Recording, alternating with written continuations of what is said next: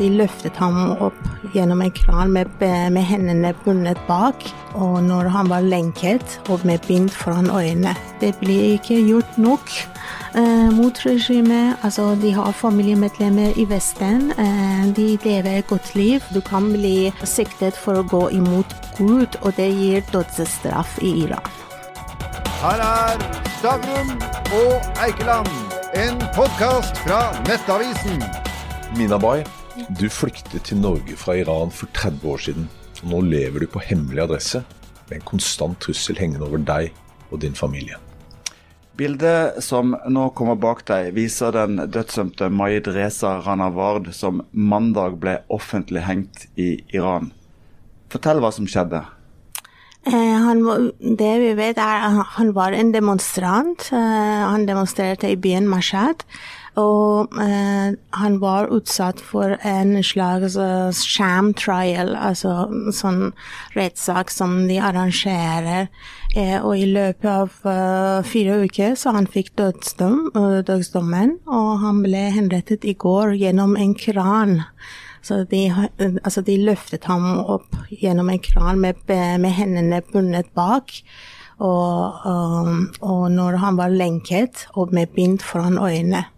Og de sier at uh, altså regimet i Iran sier at han har drept uh, to sikkerhetsvakter, men det er ikke uh, Han har ikke hatt en rettferdig rettsgang. Han har, bevisene har vært tvilsomme. Så ja, så de har gjort det på en måte for å skremme andre fra, fra å demonstrere, rett og slett. La, la, oss gå bare rett til det, den groteske henrettelsesformen. Altså, mm. Vanligvis når du blir hengt i siviliserte land, hvis du kan kalle det det, ja. så blir du jo sluppet ned sånn at du dør momentant. Mm. Men her blir han altså dratt opp etter halsen fra bakkenivå ja, ja. og kvalt langsomt foran en, en folkemengde. Hva er grunnen til at man velger en så grotesk måte å henrette folk på? Eh, vi, det er en stund de har hatt sånne offentlige henrettelser, vet du. Og er, eh, nå begynner de med det igjen, fordi det viser at de er eh, redde, rett og slett. Men den, den metoden er svært smertefullt. Det er på en måte tortur. Også. Så på en måte de skal spre frykt og terror og si at hvis du demonstrerer, da dør du, og du dør en veldig langsom og pinefull død. Mm. Men uh, ifølge regimet da, så, så, så drev Ranavard en krig mot Gud. Mm. Hva er det? Du skjønner, etter, at, eh, etter revolusjonen i 1979 så har eh, presteskapet laget et system eh, der de mener han som sitter eh, um, Altså um, den øverste lederen, han er utnevnt på en måte av Gud. Og det er som du går imot systemet, og så, så du, blir, eh, du kan bli uh, siktet for å gå imot Gud, og det gir dødsstraff i Iran. Hvor, hvor har de henta den forestillingen fra? Er det fra Koranen, eller er det ting de har funnet på selv? Eh, dette er, det kommer egentlig direkte fra Khomeini. Uh, uttrykket heter velayat faqih. Da han bodde i eksil på 70-årene, så han fikk den ideen at den geistlige skal være verge for, for, nasjonen. Og før den var det de geistlige var verge for vanskeligstilte, for foreldreløse enker og sånn. Og han utvidet dette til en sånn politisk islamkonsept konsept at han, skal, uh, bli, han skulle bli verge til folket, og folket og hans etterfølgere også. Mm. Men, men, nå har uh, man holdt på i tolv uker å, å protestere, mm. uh, demonstrere nå. Mm. 400 er døde. mange titalls av dem er barn. Mm. hvor vil dette ende? Det er vanskelig spørsmål Altså, det er et veldig godt spørsmål, men kanskje et spørsmål de fleste spør meg. Men det er vanskelig å svare. Man vet jo aldri. Så dette er den lengste protesten som vi har hatt i Iran siden 1979. Og det er ganske bredt. Det er de fleste i samfunnet sympatiserer med demonstranter. Du ser dem uh, overalt. Uh, så um, hvor skal det ende? Jeg, jeg, er litt usikker, men jeg, er, uh, litt, jeg har også litt håp om at protestene skal ikke sluknes. For nå er antall demonstranter er blitt mindre. Folk er litt redde, da. Um, det har vært Vi har over 14 000 er arrestert og kidnappet. Så uh, Men jeg har håp og jeg ser at hver dag det er sånn demonstrasjoner i, i f.eks. på et sånn metrostasjon eller andre steder. Folk prøver å si at de fortsetter den protesten på en annen måte. Men er ikke litt av problemet i Iran at det er en hel ideologi som står bak regimet? Det er ikke en enkelt diktator. Så forsvinner øverste, så, så, står det mange som vil overta. Er, er ikke det litt av det, det store problemet da, med å, å velte dette? Jeg tror de fleste av iranere er imot regimet. Så uh, også i selve regimet, i selve strukturen, det er mange som er sånn uh, jeg, Det blir litt sånn House of Cards, for å si det sånn, da. At hvis dette um, altså styrtes, så den styrtes fort. Men, um, men akkurat, det er en gjeng som er litt sånn mafia. De er bevæpnet. Du ser disse basijie, de er militser. Så de går rundt og dreper folk, kidnapper folk, uh, altså torturerer folk. Så det er en sånn e-, elit innen elite. Uh, det er det som er problemet. Og um, det er, det kan, mange ting kan gjøre at den regimet altså, styrte veldig fort, hvis det styrte. Men akkurat nå har de makta, da. På, på, din Facebook-side, og i og for seg også på Amnestys Facebook-side og andre menneskerettsorganisasjoner, så, så, får vi lære om enkeltskjebner. Lest om Mosen Shakari, Hadis Nayafi, Mahan Sadrat, 23 år, og Ali eh, Moasemi Guadarsi, 21 år, som ble arrestert i en begravelse. Mm. Alle disse personene risikerer å bli, bli drept, rett og slett. Mm. mm.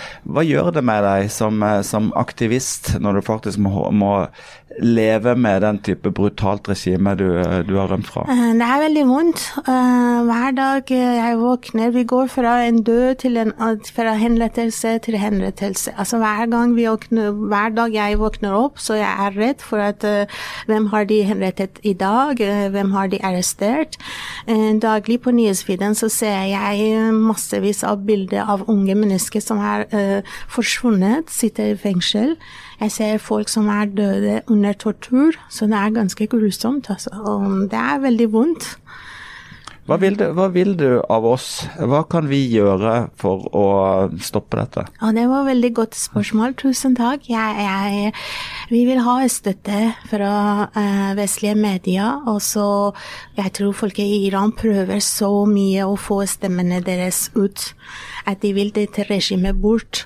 Det har vært eh, mye snakk om hijab og moralpoliti og alt det der, men dette dreier seg ikke om det. Det dreier seg om et regime som Altså, det er ungdommer som er lei av dette regimet. De vil ha frihet, de vil ha demokrati. Og så uh, mitt ønske til politikere er å være mer aktiv uh, til å boikotte uh, regimets menn. deres familie lever veldig godt i, i vestlige land. De har mange masse penger. Um, og så uh, å drive med sanksjoner mot revolusjonsgarden. Uh, det er ting som vi kan gjøre her. Men, mm. men når man ser sånne sterke bilder som er, er, bak deg, føler du at Anniken Huitfeldt og regjeringen gjør nok? Um, jeg, um, jeg, lik mange andre iranere, ja, det jeg mener at de gjør ikke nok. Altså, hver gang noe slikt skjer, altså disse er demonstranter som er tvunget til tilståelse under tortur. Og vi ser at eh, f.eks. Eh, det kommer ikke hva, hva, skal vi gjøre med som fordømmelse, da? Så vi, vi, kan ikke normalisere dette regimet. Dette er et regime som dreper eh, demonstranter, torturerer dem. Eh, så en, en enkel fordømmelse, det er ikke nok. Ja. Du forteller jo på Facebook-siden din at, at, i flere andre land så har, har politikere adoptert på et vis mm. eh, folk som er dødsdømt, for ja. å få lys på dem. Er det en metode? Ja, det er en god metode, faktisk. Eh, jeg skulle be norske politikere eller eh, parlamentsmedlemmer eh, som kan bli involvert i dette. Vi ser det i Tyskland. Jeg ser i dag at det er en annen parlamentsmedlem som har meldt seg og er blitt verge for en av de som er dødsdømt. Det er 24 dødsdømte i Iran nå, så det hjelper å få sånn publicity rundt dem. Fordi du ser, hvis, hvis et navn blir kjent i Vesten, da, da regimet blir redd, og de henrettet ikke vedkommende. da. Så det er en måte å bekjempe dem, i hvert fall. Anniken Huitfeldt og regjeringen de holder nå på, og, og Vedum, finansministeren, holder på å inngå en skatteavtale med, med Iran. Mm. Eh, hva sier det deg at tar de ting på alvor? Eh, eh, det er veldig beklagelig. Jeg fikk beskjed at den er stoppet uh, inntil videre, men jeg vet ikke hva som kommer til å skje. Men det viser at de har samarbeid med regimet, og um, som sagt, de normaliserer regimet. Og hele tida de har snakket om at vi har dialog. Men dette, altså ved å ha dialog, du også legitimerer dem. Altså normaliserer dem. Og det, det er et problem. Uh, apropos det, altså Norge i 2021 importerte varer for over 200 millioner kroner fra Iran. Mm. Oljefondet har vært investert i Iran, uh, har lånt regimet penger faktisk for å kjøpe statsobligasjoner. Og norske selskaper har i en årrekke handlet med Iran. Uh, Norges rikeste mann, Jon Fredriksen, ble rik på å frakte olje for Iran under krigen mm. mot Irak. Har disse folkene blod på hendene? Mm, det har de. Altså, mm, vanlig Jeg vet ikke. Noen varer er vanlige varer som iranere har laget, så jeg har ikke noe problem med dem. Så. Men uh, når det gjelder olje og, og selskaper hvor staten er involvert i Iran, så det er, uh, det er problem. Uh, du vet, det, de pengene som går til dem, går på disse menneskene som dreper og torturerer folk på gata. Så vi må være oppmerksom på det, da. Mm. Litt, litt, til din person. Du har jo i en årrekke, og takk for det, vært, eh, vært skribent i Nettavisen. Men du rømte fra Iran i sin tid. Eh, hva er din historie? Um, min historie er Jeg var student i Iran, ved universitetet i Teheran. Så uh, da um, spredte jeg ut sånn filiblader, og den tida uh, kunne man bli faktisk henrettet for det. Så derfor måtte jeg rømme fra landet, da. Og jeg er veldig takknemlig for Nettavisen, som har gitt meg et sted eh, der jeg kan skrive om mine opplevelser. Ja. Mm. Vi, er, vi, er, mer takknemlige. Men fortell, hvorfor, uh, hvorfor lever du i skjul i Norge i dag etter 30 år? Fortsatt? Eh, det er av meg, eh, eller mest for familien min. Jeg vil ikke involvere dem i, i, det jeg driver med. Det er farlig for dem, så derfor jeg prøver å holde avstand. ja. Og så dette at man vet jo aldri hvem eh, regimet har her. Så de har drevet med terror og annet på, no, altså norsk eller, eller vestlige lands jord, så man må være forsiktig. Hvordan opplever du disse truslene i hverdagen? I hverdagen før var det et par, men eh, nå mm, nei, det er bedre. Jeg syns det hjelper veldig at jeg har hemmelig adresse, og folk kan ikke få tak i meg. Så det hjelper veldig. Mm. La, oss gå, la oss gå til det som kanskje ble oppfatta som starten på den siste bølgen. Altså, eh, Det begynte jo med den 22 år gamle kvinnen Masa Amini, som da ble, eh, ble tatt av moralpolitiet fordi hun bar hijaben feil, ifølge deres mm. oppfatning. Og så døde hun i deres mm. varetekt. Eh, hva var det som gjorde at det skapte så raseri? Jeg tror den, bygget, den har bygget opp gjennom 40, altså gjennom 40 år. Altså, den hijab-loven kom uh, kanskje seks år etter at revolusjonen var på plass. Og før det, jeg husker, vi, vi ble nødt til å ha på oss hodeplagg og sånn, fordi man ble trakassert på gata. da. Og etter hvert var det så mange altså urett og undertrykning at uh, kvinner ble plaget på gata, de fikk bot. Uh, det var en stund at folk, kvinner med dårlig hijab de fikk kastet sider på seg. Så det var um, en, et syne som har bygget opp gjennom 40 uh, år, da. Altså, sånn det blåste Altså, den eksploderte med masse Amini-sak. Mm. Mm -hmm. Men eh, altså, ja, det er mange menn som har det vondt i Iran, men, men, men kvinnene har det, har det verst. Mm. Um, kan du fortelle litt hvordan, hvordan de egentlig har det uh, i hverdagen der? Uh, du vet, vi, vi, gikk fra et sekulært system uh, hvor kvinnene hadde rettigheter, like rettigheter, til et system hvor kvinner blir sett på annenrangs borgere. Altså i Iran, kvinner kan ikke synge solo eller ha sånn De kan ikke gå inn i en sånn fotballstadion. de kan ikke sykle, de får ikke sykle. Um, de får halvparten av det en mann får i arv eh, eller eh, forsikringserstatning. Eh, de kan ikke bli statsoverhoder, de kan ikke bli dommere, sånn, sånn sett. Også de må dekke seg til i offentlighet. Da. Så det er en rekke kvinnefiendtlige regler og lover presteskapet har innført. Og ja, de rett og slett ser på kvinner som annenrangsborgere. Mm, det gjør det. Men, men, det har jo vært opprør tidligere. Men, mm. men, det kan virke som at dette opprøret det, det er sterkere enn mange av de som har, har vært. Altså, eh, du, du posta jo om, om, dette håndballaget. Eh, Kandu, eller kan du, som eh, for første gang tok et bilde uten hijab. Altså det var et jentelag. Mm. Altså, hva, hva, sier det deg, at, at de tør å gjøre det?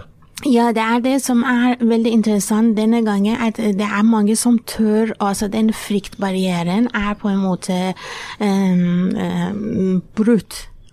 Uh, og, og, det er veldig viktig, fordi jeg husker uh, før den uh, altså den lille revolusjonen, så kvinnene torde ikke å droppe av seg hijaben, men de gjør det nå.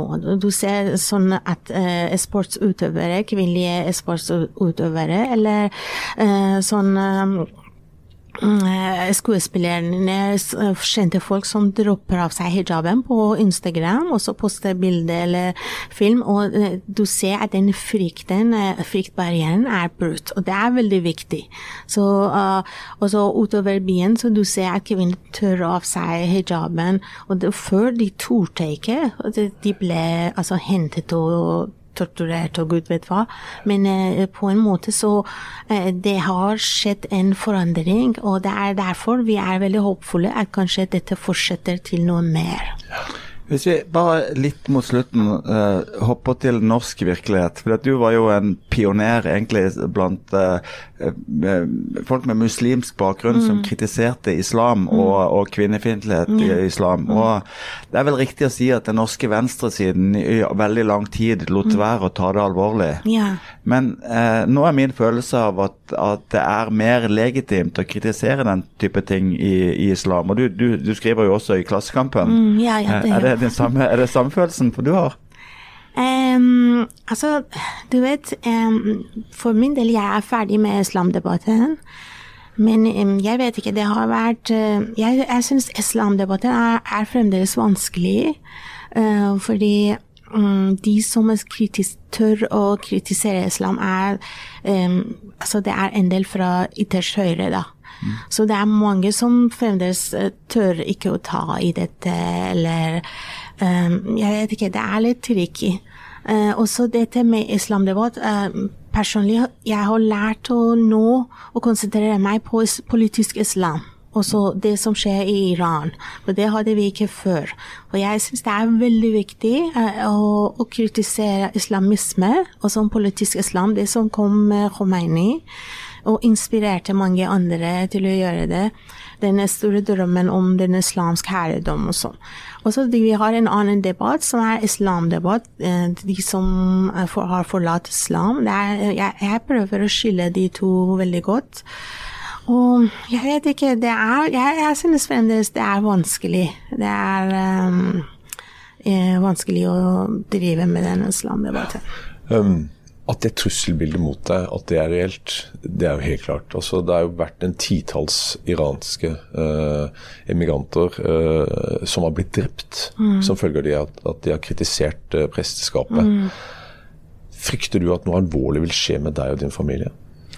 Jeg er ikke så bekymret for meg i, i Norge, da. Så jeg vet at um, PST overvåker veldig godt men uh, jeg er litt uh, altså bekymret for familien. Jeg prøver så godt jeg kan å beskytte dem og ta avstand.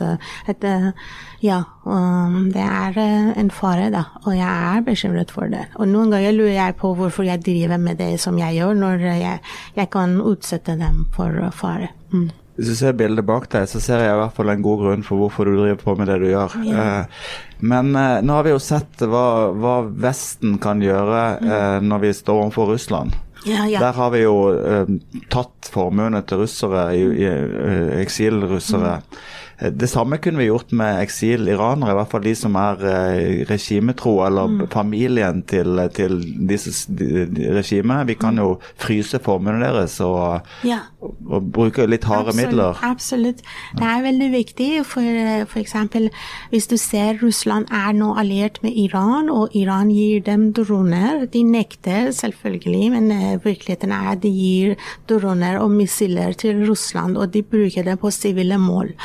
Uh, og det er veldig viktig å gjøre det samme med regimet. Jeg sier uh, det igjen, at det blir ikke gjort nok uh, mot regimet. Altså, de har familiemedlemmer i Vesten. de lever et godt liv. Så vi kan fryse deres penger. du ser den øverste lederen har et kontor i London, da. altså, og en imperie. så det er mye vi kan gjøre her i Vesten. Ja for å, for å fryse ned deres penger, boikotte dem, og ja. Minabai, takk for at du kom til Stavrum Eikeland. Tusen hjertelig takk for invitasjonen. Du fikk Stavrum og Eikeland, en podkast fra Nettavisen.